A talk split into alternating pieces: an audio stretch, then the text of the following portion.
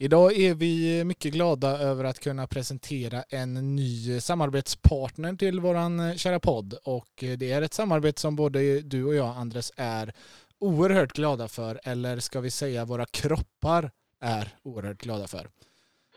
Ja, det är vi för att eh, som sagt eh, jag pendlar ju 22 mil om dagen till jobbet så sitter mycket i bilen. Sen eh, kör jag i gruvan och sen gymmar jag och, och sen måste jag väl hemma och skotta snö. Så att det är faktiskt väldigt skönt att kunna eh, återhämta sig snabbare och bättre och slappna av eh, efter att man eh, Ja, att man kör en eh, riktigt bra eh, massage mm. eh, med den här massagepistolen då. Precis, det, precis. det är väldigt uppskattat.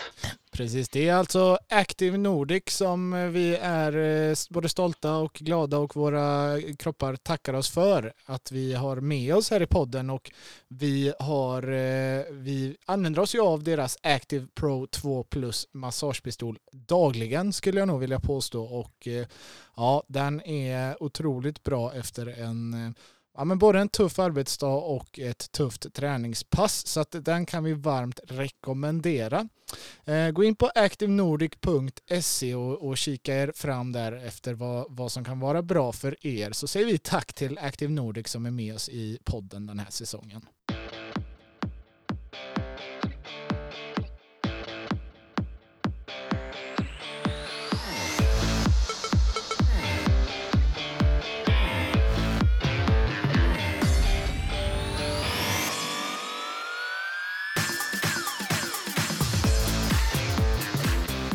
Yes, då var det torsdag igen och ni är mycket varmt välkomna tillbaka till ett nytt avsnitt av Futsalsnack med Gerd och Moncada. Ja, men det känns som att det var en evighet sedan, men nu är vi äntligen tillbaka och som jag har längtat. Eh, varmt välkommen tillbaka till Futsalsnack och och eh, till eh, ett litet gött kött mellan oss två hälsar vi er alla. Eh, Andres Moncada, du är ju du är alltid välkommen här, men ett extra varmt välkommen idag säger vi i vårt 19 avsnitt. Hur är läget med dig?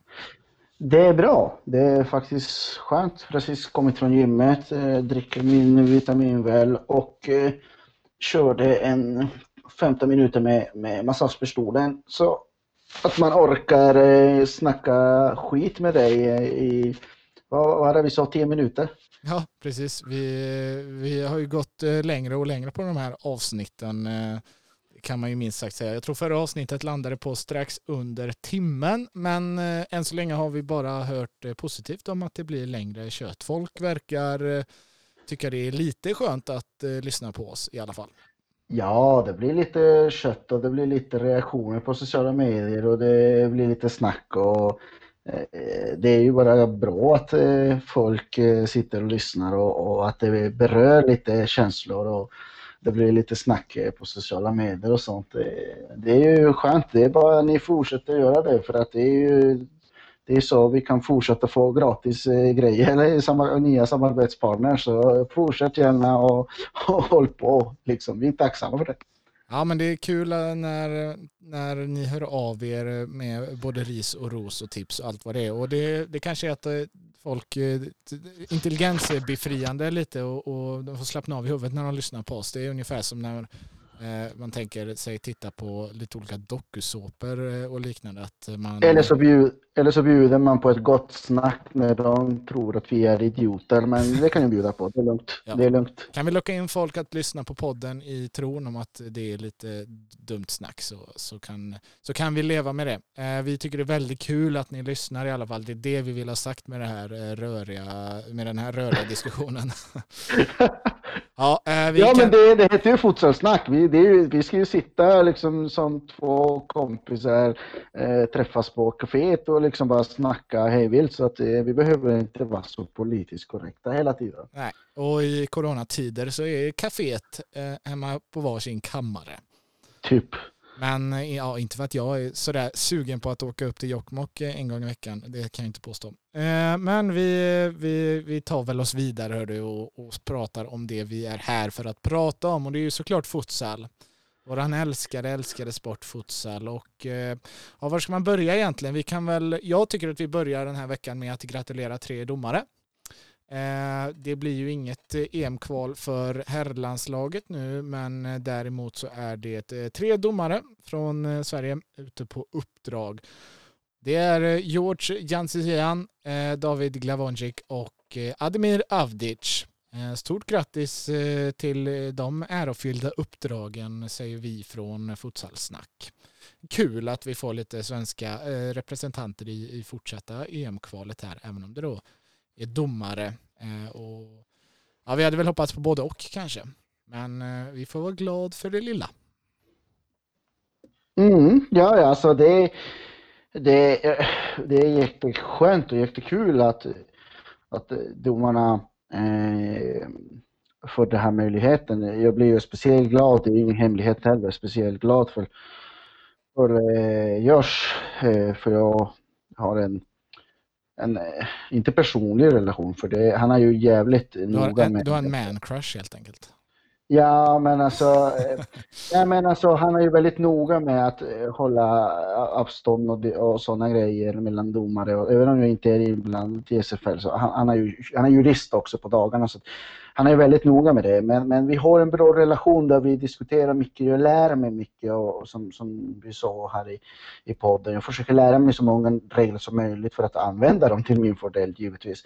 Eh, men jag blir glad för jag vet hur mycket han sliter. Alla gör väl det, men han, han har ju bra, eller nära, nära kontakt med. Så att givetvis, och sen var det lite roligt för jag pratade med Viktor eh, häromdagen eh, och eh, om just domarnivån. Och vi snackar så mycket bra typ, och vi höjer ju till Finland, fin, Finlands futsal till, till skyarna men, men när vi pratar om domarna, alltså då är Sverige ligger mycket, mycket, mycket bättre tycker jag. Jag tycker domarna i Sverige är bättre än i Finland överlag. Ja, Fifa-domarna i Finland är ju riktigt, riktigt bra men jag tycker inte deras nivå är särskilt bra. De tillåter väldigt mycket fulspel och sen att de inte har en tredjedomare det gör ju mycket för att eh, spelet, eh, spelet förstås ju ganska mycket. Det är ju helt otroligt hur mycket skillnad en tredjedomare kan, kan göra i en match. Men jag, jag är glad för det Sverige och Sveriges futsal överlag. Det är ju bra att det utvecklas på alla sätt och vis och inte,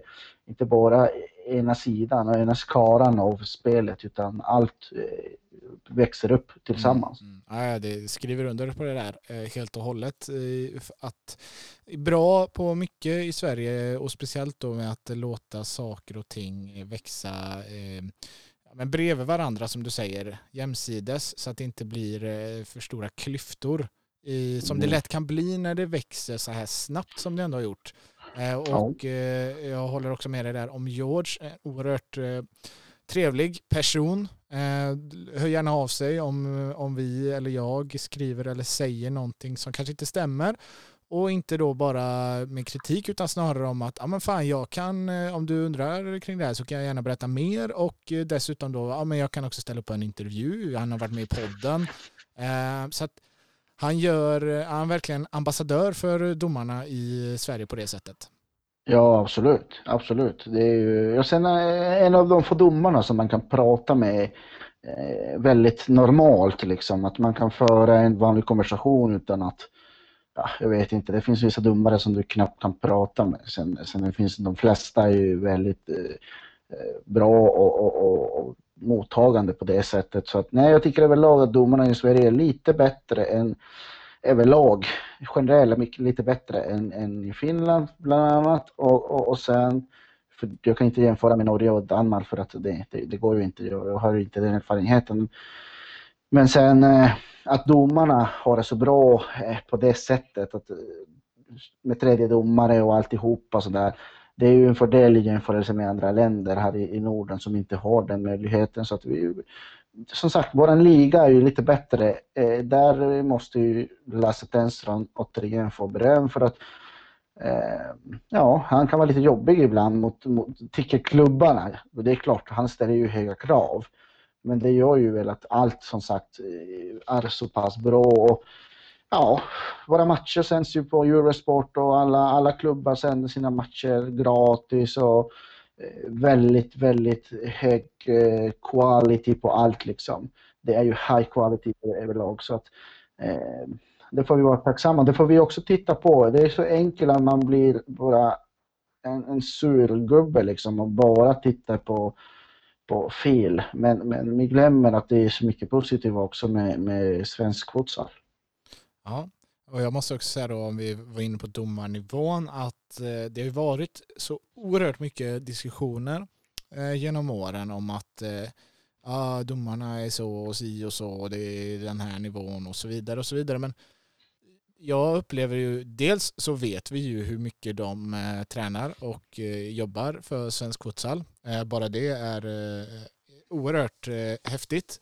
Men det känns som att det har varit eh, mycket lugnare med det snacket i år och att då också att domarna har synts mindre och det är ju positivt.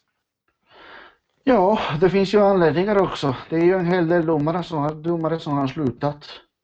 Domare som inte du tyckte om då eller? Nej, domare överlag som, som, som de tyckte inte om att vara osynliga. En bra domare ska vara osynlig.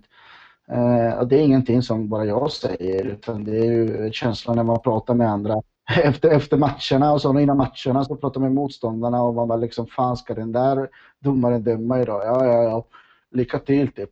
Eh, så att eh, ja, det, det, det är bra att nya hungriga eh, domare och spelare kommer upp. Precis som vi har snackat om spelarförnyelse så är det bra med domarförnyelse också. Eh, allt var inte bättre för så enkelt är det. Mm.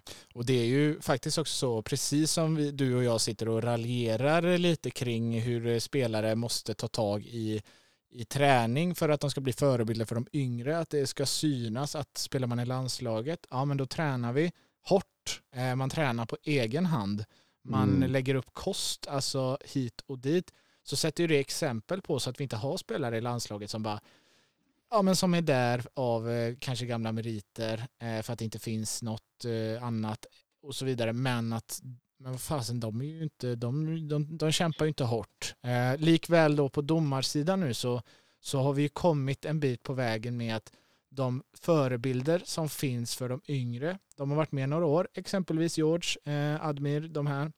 Eh, och också då tränar ganska hårt för det. Eh, kämpar mycket för att eh, döma i SFL och också med en vilja att ta sig till EM-kval och liknande.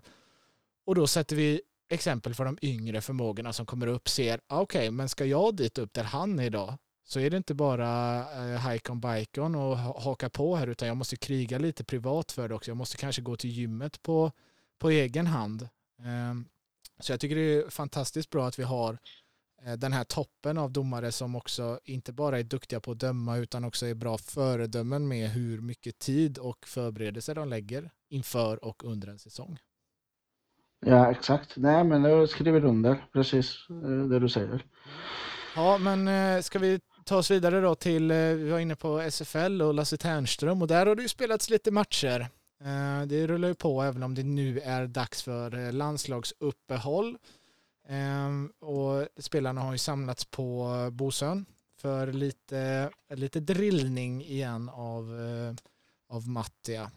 Dessutom mm. då med några debutanter som ska mm. bli spännande att få höra om sen hur, hur det har gått det blev ju bland annat lite sena förändringar där.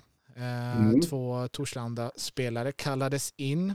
Eh, mm. Två spelare som du har haft att göra med tidigare. Om vi börjar där då, vad, vad tänker du om de eh, spelarna som kallades in? Simon Roman och William Lennholm? Ja, som tredje målvakt kunde de väl ha kallat, ja, kan de väl kallat vem som helst egentligen. Eh, om man ska vara råärlig, kanske låter drygt, men, men så är det. Men, men eh, är man då, om jag bara får stoppa det, är man, alltså, det är ju ändå ett träningsläge då, räknar man verkligen tredje målvakt då, utan då är man väl snarare en tredje målvakt? Jag har väldigt svårt att säga att eh, Viktor Jansson som är eh, Sveriges enda proffs och som är etablerat nu som en av de bästa målvakterna i finska ligan och det säger inte jag utan det säger ju finska journalister och eh, på bloggar och allt möjligt så att eh, det har väldigt svårt att säga att han inte är tillsammans med Viktor Säf eh, givna i landslaget som jag har sagt förut. Eh, två unga hungriga spelare och målvakter med väldigt bra egenskaper. Eh, sen Simon eh, har ju väl den fördelen att han står ju varje helg med Torslanda. Eh, sen återigen, det är ju inte, det gynnar ju inte honom att hans lag släpper in 90 97, 96, 97 mål eh, den här säsongen som vi pratade om förra, förra avsnittet. Eh, jag raljerade lite om det. Eh, det var för mycket mål som släpps in. Eh, det, det gynnar ju inte honom så vi vet inte riktigt hans nivå. Eh, liksom, sen, han, han kommer ju från U19-landslaget eh, men där var han inte heller given etta utan det var ju Hampus Jakobsson från Eskilstuna som, som fick stå för det mesta. Eh, givetvis en målvakt med bra teknik och mycket vilja och hungrig. Och, eh, men jag hade ju jag hade ju valt en, någon annan för det. Men som sagt, jag har sagt det många gånger för det är ju tur att det inte är jag som bestämmer det för jag kan ju ingenting så det är bättre de som kan eh, väljer. Och har de valt Simon så, så är det bara att stötta det. Mm. Eh, och Elliot själv från Borås eh, ersätter Albert Hiseni och det tycker jag är jättebra för Elliot har vi pratat om förut eh, här eller många gånger i podden om eh, en av de nya yngre förmågor som, som liksom som vi vill gärna ha i landslaget. Eller både du och jag i alla fall. Eh, så det var ju väldigt glädjande och sen eh, William Längholm då eh, från Torslanda som ersätter Freddan Cederqvist.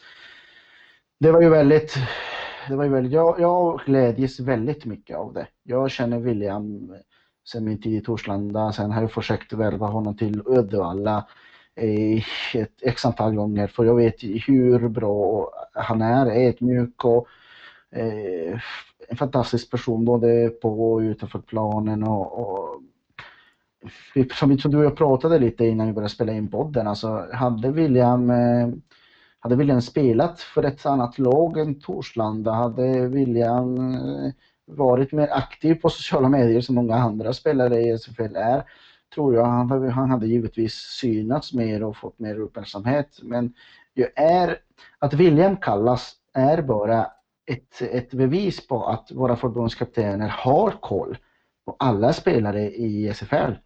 Eh, för han är som sagt, han är ju väldigt osynlig som så liksom eh, på media och sociala medier och sånt.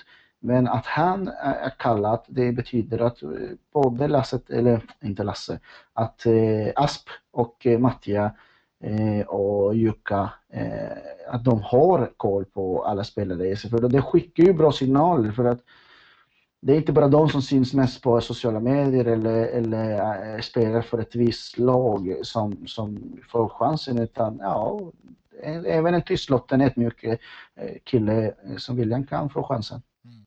Ja, men ser vi redan då ett, eh, redan här ett exempel på att det har fallit väl ut med att Niklas Asp bestämde sig för att Eh, Eh, och insåg ju också att det, det får lägga allt sitt fokus på landslaget. Eh, det är ju självklart, eh, och det säger ju sig självt, att han hinner se fler matcher i SFL när han inte själv lägger en hel dag på helgen med bortamatch med sitt eget lag och har dessutom familj då att, att vara med kanske den andra dagen och så vidare och så vidare. Ser vi redan här då att han har hunnit lägga mer tid på på, på scouting av spelare. Du säger själv där att han, de har, det visar att de har koll på alla spelare nu. Mm. Vad tror du? Ja, alltså som sagt, eh, det här är ju bara ett bevis på att alla spelare eh, har en chans i SFL. Och sen är det ju ett bevis, både Simon och eh, William är ett bevis på att oavsett i vilket lag du spelar, oavsett hur det ser ut, Eh, i ditt lag som kollektiv så, så eh, måste du göra ditt bästa för att du syns ju ändå. Gör du det bra eh, så, så syns det. Det är lite, när, när, lite av när vi värvade Viktor Jansson från Torslanda till Uddevalla. Torslanda hade precis samma situation liksom, som, som Torslanda befinner sig i än idag. Eh, det var många som undrade vad fan sysslar vi med när vi värvade Viktor Jansson från Torslanda. Vi hade Gert och vi hade andra målvakter. Jag menar, han gjorde det bra. Vi, vi hade ju koll på honom. Vi, även om det Torslanda släppte lika mycket mål då som nu Eh, så man ser ju de, de, de, individuella prestationerna också. Det är ju det, det som, som mm, flera spelare borde fatta. Du behöver inte spela för ett visst lag eller ha ett visst Eh, befinna dig i en viss omständighet liksom, eller omständigheterna runt omkring måste ju vara perfekta för att du ska synas utan du ska ju göra det som är bra. Det, jag brukar ju alltid säga till målvakterna liksom jag tränar att alltså även om, vi, även om laget kan prestera dåligt idag eller prestera dåligt den här säsongen, var lite självisk. Tänk på dig, tänk på din egen prestation och gör det bästa av situationen och det syns ju ändå. Det är ingen som som kan klandra dig, eh, brukar jag säga till målvakterna. Sen, jag säger alltid till spelarna innan, innan, varje, innan, innan varje match att det enda jag kräver är att efter matchen ingen ska känna att, att det fanns mer att ge. Och, och det är ju lite som, det, det kanske var en klyscha, eller är en klyscha, men lever du upp till det så, så kommer dina prestationer och din, din tid och allt du lägger ner och investerar i sporten kommer att, kommer att belöna sig det, det känns ju också som att ett sånt här läger, är man debutant så är det ett sånt här läger man vill eh, göra sitt, sitt första framträdande på. Nu får man, eh, nu får man komma in, eh, drillas dagarna i ända, pumpas in med, med taktiska tänket och dessutom då få lära känna alla spelare. Eh, jämfört med då om du hade kommit in som debutant i ett eh, i skarpt läge. Då hade du kommit in, eh, varit med och latchat lite på träningar. Sen när det är match kanske du hade suttit på läktaren. Eh, en erfarenhet i sig. Men nu kommer man in, får fem dagar, eller vad är det, sex dagar, fem dagar. Mm. Eh, med, med full fart, två pass om dagen antagligen. Eh, mycket möten, mycket, mycket taktikgenomgångar. Helt plötsligt så är du med i den där gruppen av spelare hos förbundskaptenerna som man känner att man kan börja lita på. Eh, är du med på vad jag menar? Alltså att det här är en spelare mm. som vi kan kalla in när det väl gäller.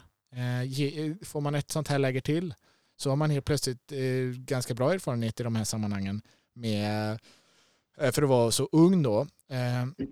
Och helt ja, plötsligt tillhör man då den gruppen som kan bli aktuell för när det är skarpt läge för att man har gjort grovjobbet. Kommer man in som debutant när det är skarpt läge så hinner man inte med så många pass och det är inte så mycket eh, alltså hårt och fart och fläkt utan det är fullt fokus på tre matcher under ett kval. Ja, det har du rätt i, i 100 procent. Det är också, som vi snackade lite innan, innan inspelningen började, eh, nästa riktiga mästerskap för Sverige, om vi minns rätt, Eh, är Nordic Cup i december, om det spelas överhuvudtaget. Eh, och, och det kan man ju knappt kalla alltså, skarpt ja, läge heller. Det blir ju lite ja, Latchan över det ibland. Utan, utan det blir ju egentligen först 2022 någon gång som, som är kvalet inför 2024. Eh, om vi minns rätt alla, alla datum och sånt. Men 2022 i alla fall är det riktiga mästerskap, nästa mästerskap eller nästa tävlingssammanhang. Så att du hinner ju väl med en två, tre, kanske fyra läger under, under året. Och, eh, jag vill nästan påstå, utan att veta ett skit, så, tänker jag mig att det är så många nya ansikten i landslaget att eh, jag tror att Mattia och att landslaget har ju ändå drillat i två, tre år på samma sak. Eh, eller med samma filosofi att jag tror och misstänker och hoppas eh, att Mattia och kompani börjar från noll. I och med att det är så många nya och att det kanske är dags att ändra taktik och jag vet inte. eh, riktigt. Men det, om det är så, så är det perfekt som du säger, läge att komma nu och börja från noll. För det som har varit förut med det har kommit nya, nya spelare till landslaget. Det känns som att Mattia och de har ju kört ett filosofi, ett, de har kört på sitt arbetssätt.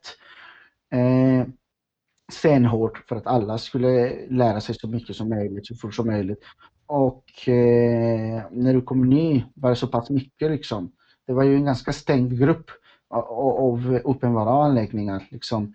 Eh, och sen när råkade du komma ny så var det mycket att lära dig och, och, och, du hängde inte riktigt med och då kunde du falla av till nästa läger, mm. läger och, och, så vidare. Men nu tror, känns det som att det är så många nya och att det kanske är dags att börja från nya och ändra arbetssättet. Att, att det kanske är bra att börja från noll på något sätt.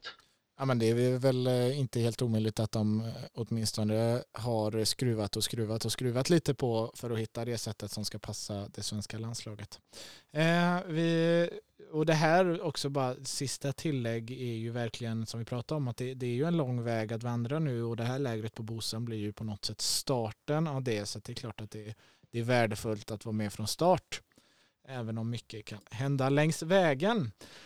Eh, det har ju varit så att vi har fått en trupp till även damlandslaget. Eh, nya förbundskaptensduon Gabriel Diaz och Carlos Olave har ju presenterat sin eh, första trupp. Och de har tagit ut följande spelare. Hilma Lundqvist, Amanda Olsson och Josefin Månsson i mål.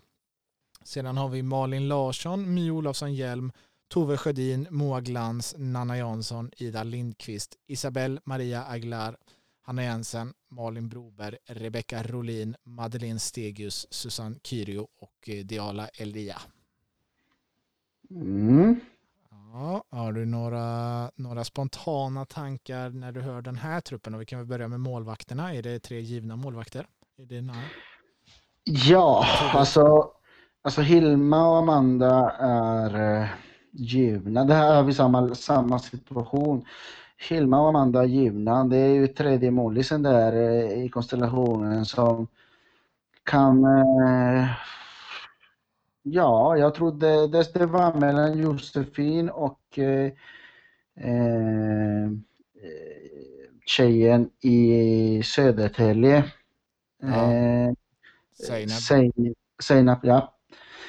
Seinab Annar Eh, jag tycker, ja, det är inte så mycket. Det är första, första läger och de ska lära känna varandra och de har liksom eh, inte så mycket att säga där. Det är ju det kunde varit i princip vilka av de fyra målvakterna där mm. de kallade. Mm. Antar att Josefin har ju varit förut, eh, eller de sista lägren, hon var det i Stockholm och i Göteborg och eh, att Carlos känner ju henne och eh, det är från Hittarp. Eh, jag hoppas att det inte är anläggningen. Eh, som vi har pratat förut eh, när Asp slutade i landslaget och så vidare så sa jag också det att det ska bli lite spännande att se hur det mottagas varje, varje kallelse när när Carlos råkar vara tränare för ett RFL-lag så kommer det alltid finnas mycket snack och missnöje. Så det är bara att lära sig att leva med det. Mm. Ja, utespelarna då, är det någon, eh, något, något, namn som överraskar eller något namn som saknas tycker du? Ja, två namn saknas ju i alla fall. Mm. Det är ganska uppenbarligen va? Jag gissar att du tänker på Daniela Chamon. Och? Eh, Ja, vem kan du mer tänka på? Eh, Nassanin? Ja, jo. Ja, jag, jag förstår att det är två namn, eh, namn du tänker på, men det är också två namn som har eh, haft ett väldigt långt uppehåll, vad vi vet från, den här, från futsalen. Ja, men de fortsätter spela. Jag såg ju, de är ju väl registrerade för eh, Rovsvet va? Och eh, som vi pratade om senast. Så det är ju ett första läger också. Det här är ju också en första jag pratade lite med Carlos häromdagen och det, deras fokus var ju mer liksom lära känna varandra och kolla fysiska status och en mycket sån här uppskattnings eh, utvärderingssamling kändes det som. Eh, utan att han sa så, men det kändes ju så mm, jag tolkade hans ord. Eh, och sen eh, så jag menar, jag såg ju lite på sociala medier, Daniela är med och tränar och liksom, det är ju inte, jag vet inte. Eh, det. Är, det, det, det är eh, inte oroväckande utan det är, eh, ja det väcker ju reaktioner i alla fall. Ja men helt klart eh, utropstecken att de två namnen ja. saknas. Det går inte att sticka under stolen med. Eh, det kan vara många olika anledningar. Det kan vara två spelare som har valt att inte vara med. Det vet mm. vi inte något om. Och det kan dessutom vara så att båda de spelarna har haft en väldigt bra, ehm, ett väldigt bra snack inför den här samlingen. Det kan vara så att Daniela inte är helt återställd till exempel för ett mm. läge där de ska nöta, nöta, nöta. Och då kanske de väljer att passa på då att testa eh, ett annat namn. Eh, vad vet vi? Eh, men det är klart att det, det sticker ändå ut att de två namnen är inte med. Nej, däremot säger jag eh, Moa Glans, det är väl hennes debutsäsong va? Med, hon är ny i Blåvitt va? Ja, det är mycket möjligt. Jag tror att Nima snackade om det, att eh, det är första gången hon spelar futsal på riktigt, eller får spela futsal överhuvudtaget. Men hon har ju haft ett bra, en bra säsong hittills med, med Blåvitt. Eh, såklart en spännande livera som gör mycket mål. Eh, tror jag att hon är livera. Där, eh, där har jag sett henne i alla fall när jag tittar på Blåvitt. Sen, eh, ja, Nanna Jansson eh, given. Eh, given där. Eh, sen säger jag också att Frida, eh, den som har varit kapten länge, Frida Lundblad heter hon va? Mm. Hon är inte med heller så jag, jag misstänker att eh, ja, återigen, alltså hon är ju inte ung fast hon ser ung ut. Hon är ju väl 38-39 år så jag förstår att det kanske är en generationsskifte där. Malin Larsson, eh, bra att hon kommer in. Eh, guys, eh, väldigt mm. bra. Mm. Eh, ja, Tove, Tove Sjödin vet ju inte riktigt vem det är. Jag ska vara ärlig. Både Tove Sjödin och Rebecka Rolin vet ju inte vilka de är om jag ska vara ärlig.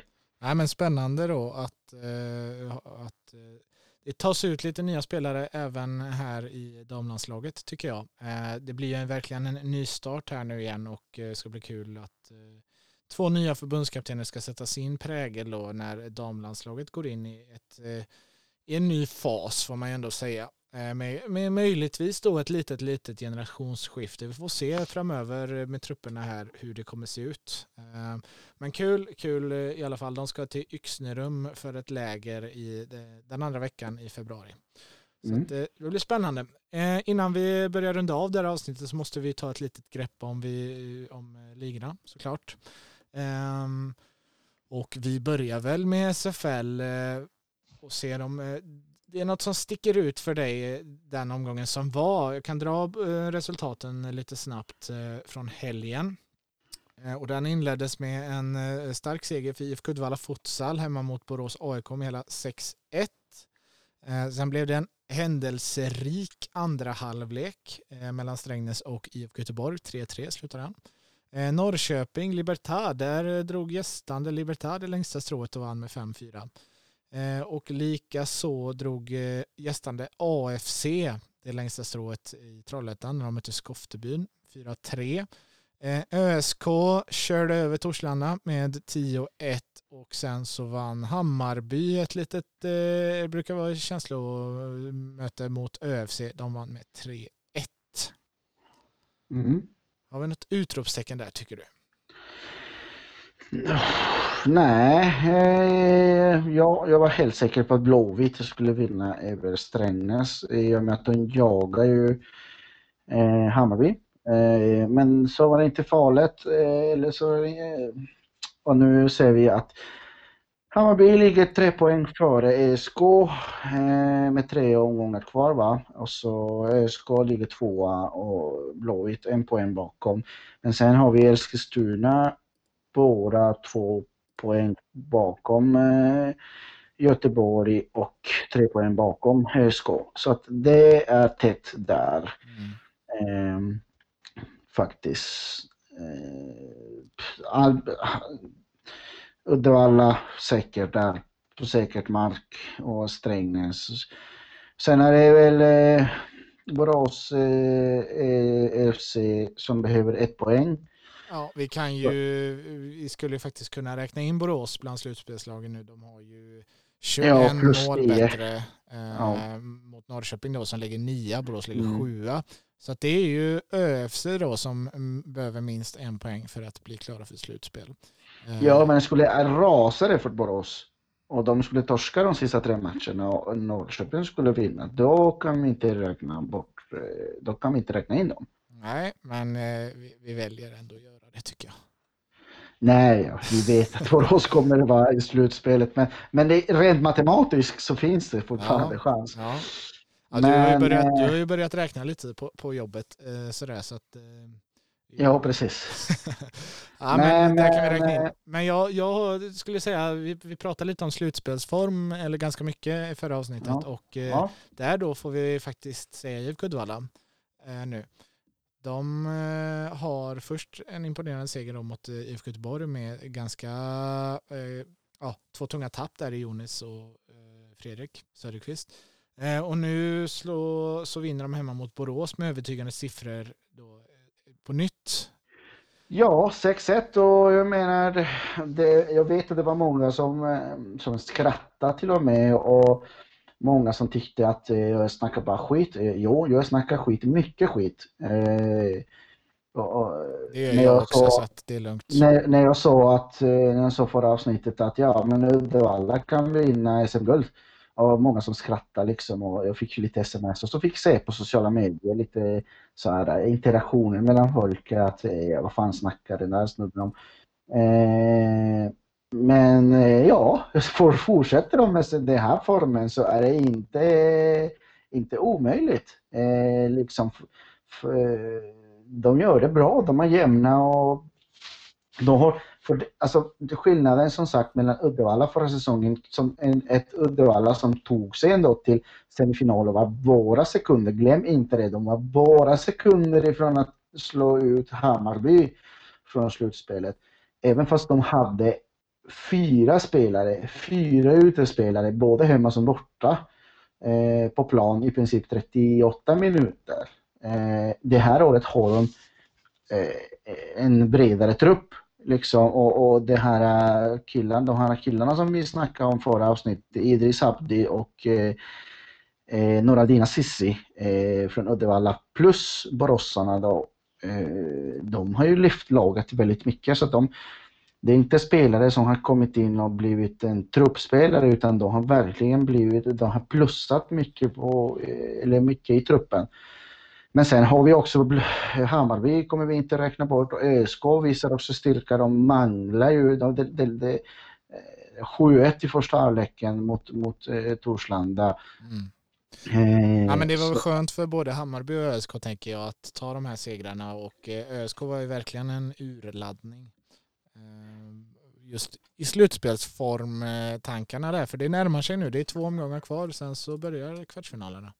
Ja, och sen Eh, två, två grejer som, som, som jag tar med mig från helgens matcher. Det är att eh, Libertad vann borta mot eh, Norrköping. Jag trodde Norrköping eh, skulle ta den matchen faktiskt. Ja, oerhört oväntat eh. i och med att Norrköping hade allt att spela för. Ja, exakt. Eh, där, är, där är vi igen då. Där är vi igen. Lag som inte har något att spela för. Då jävlar ja. knyter man även i fickan och Ja, kör. men sen vill jag, vill jag de där två grejerna, eller två saker som jag vill prata om ganska snabbt, även om det är otroligt. Eh, det är att eh, Johan eh, Ruckström fortsätter att leverera. Eh, om det inte var för att eh, det finns en kille som heter Atlan Shirak som dunkar in 60 valjer per säsong så hade den, den gamle, eller den unge eh, Ruckström ledat eh, skytteligan då. Mm. Eh, och sen eh, Gustav Källström i, i Liberta. Eh, väldigt spännande namn. Stor, eh, storväxt kille, skjuter bra med både höger och vänster. Eh, en klassisk pivot eh, som också är väldigt duktig i division 2. Så han, alltså, jag har mött honom i fotboll också i division 2 i 3-4 år och eh, riktigt, riktigt svårt att möta.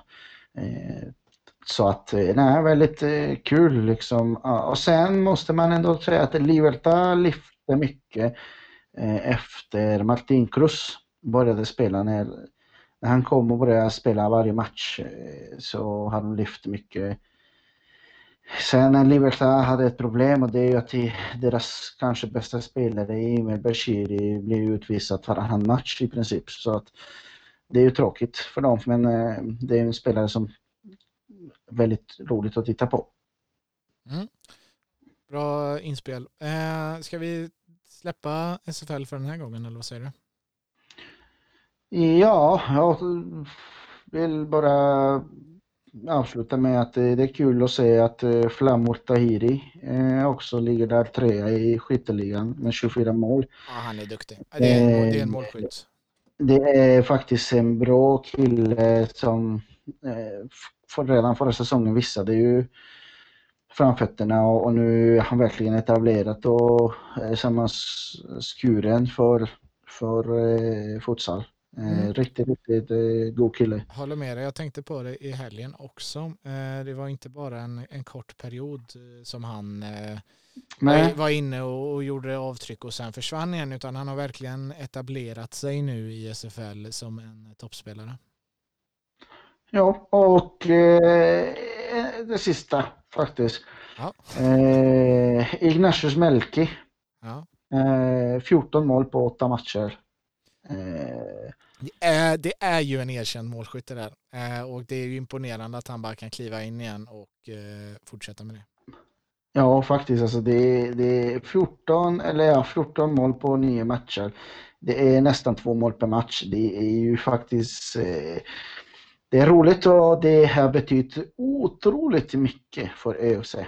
Ja, det tar troligtvis då in dem i ett slutspel också. Eh, och i slutspel kan väl allt hända va? Ja, just det. Ja. Ja, det, det, ja, det var något det, sånt. Jag har för för mig att du sa det förra veckan. Nämligen. Eh, skitsamma. Eh, RFL har ju också spelats några matcher och det har spikats eh, slutspelslag i Svealand. Djurgården, Järla, Rågsved, Rågsved och eh, Örebro FC. Stockholm United slutar femma och sist på noll poäng. Även om de slutspelslagen har eh, ett par matcher kvar att spela. I eh, Götalandsserien så vann, var det ju derby igen, finalrepris och den eh, vann IFK Göteborg även den här gången så att eh, suveräna IFK Göteborg fortsätter vinna där och toppar eh, serien. Eh, och eh, det är en eh, kamp in i det sista då om den sista slutspelsplatsen mellan Ektorp och Borås och Svärtinge möjligtvis att de har en liten chans. Men det är väl främst Ektorp och Borås som fightas om den fjärde och sista slutspelsplatsen där utöver då Gais, Hittarp och eh, serieledande IFK Göteborg Futsal. Ja, jag hade sagt tydligen förra avsnittet att Ektorp var klara för slutspel. Det hade jag fel, det blev jag uppmärksam om eh, efter, efteråt. Eh, så Skämmes. det. Skämmes. Men, Ja, ja faktiskt. Men eh, ja, du ser, man är ju full of shit. Ja. Men det visste vi redan. Ha, eh, du, vi ska väl eh, börja runda av för den här gången eh, tycker jag. Ja. Ska vi eh, återigen oförberett kasta ur oss veckans bästa och veckans sämsta? Mm. Ja. Eh, kör du. Eh, vad roligt. Bara liksom, kör du. Ja, men... eh, veckans, bästa, veckans bästa kan jag säga så här. Eh, Viktor, eh, Viktor Janssons match i Finland i helgen eh, i söndags var eh, förmodligen hans bästa i karriären mot finska Champions League-representanter Aka Futsal Eh, 24 rättningar gjorde han. Eh, och inte enkla rättningar. Eh, alltså, fantastisk match. Eh, så det är kul och med tanke på att de har suttit i karriären så alltså, eh, Tornio har inte kunnat träna på typ två månader. De har suttit i princip i karantän varenda jävla vecka för att det är ju någon positiv eh, fall i nära relationer till truppen varje vecka så att de får sitta i karantän om och om, och om igen. Så det är kul. De toppar ju, de ligger ju trea i ligan nu i Finland och med tre matcher mindre spelat, fyra matcher mindre spelat än de andra, de övriga. Så kul för honom. Det är ändå vår enda proffsspelare just nu, så kul för han. Mm. Och för Sverige såklart. Ja, har du nu när du ändå är igång, har du en veckans sämsta på lager också?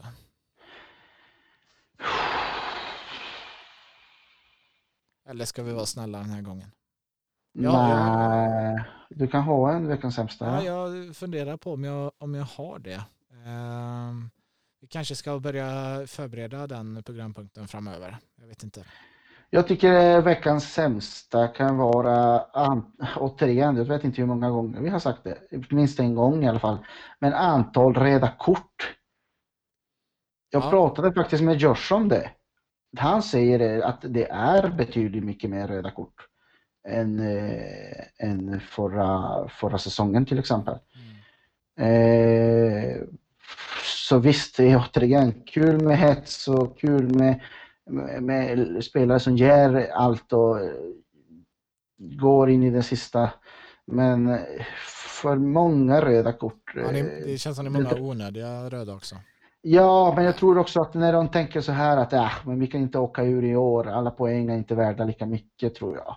Att, att folk liksom, äh, men då, då vågar jag gå lite hårdare. Jag vet inte vad det kan vara. Mm. För att det var ju lika mycket, det var ju otroligt mycket röda kort även innan det bestämdes att ingen skulle åka ur. Så att ja, mycket, mycket röda kort eh, i, i år. Mm det är ju ändå intressant det där du säger då, för eh, jag gjorde en intervju med en, eh, en väldigt intressant eh, person inom idrotts, hon är idrottsläkare och i ett helt annat sammanhang och då sa hon att hon såg en, en stark tendens av under 2020 då, fotbollssäsongen, att det var mycket mindre skador på grund av sådana här adrenalintacklingar som då säkerligen kan kopplas till eh, avsaknaden av publik, att man inte blir helt eh, crazy eh, ja. och ska ge igen på samma sätt och för att få publiken att jubla och allt det här. Va? Så att, mm. Men i, i SFL så, så har det gått upp i röda kort, kanske inte just på grund av eh, dumma idiotiska tacklingar, men eh, ja, ändå spännande eh, diskussion helt klart varför det har gjort det. Ja. Men det får bli en annan gång, för nu ska vi tacka för oss och önska er en fortsatt eh, trevlig dag eller kväll när ni nu lyssnar på oss och så hörs vi som alltid igen nästa torsdag. Ha det så bra. Hej då. Hej då.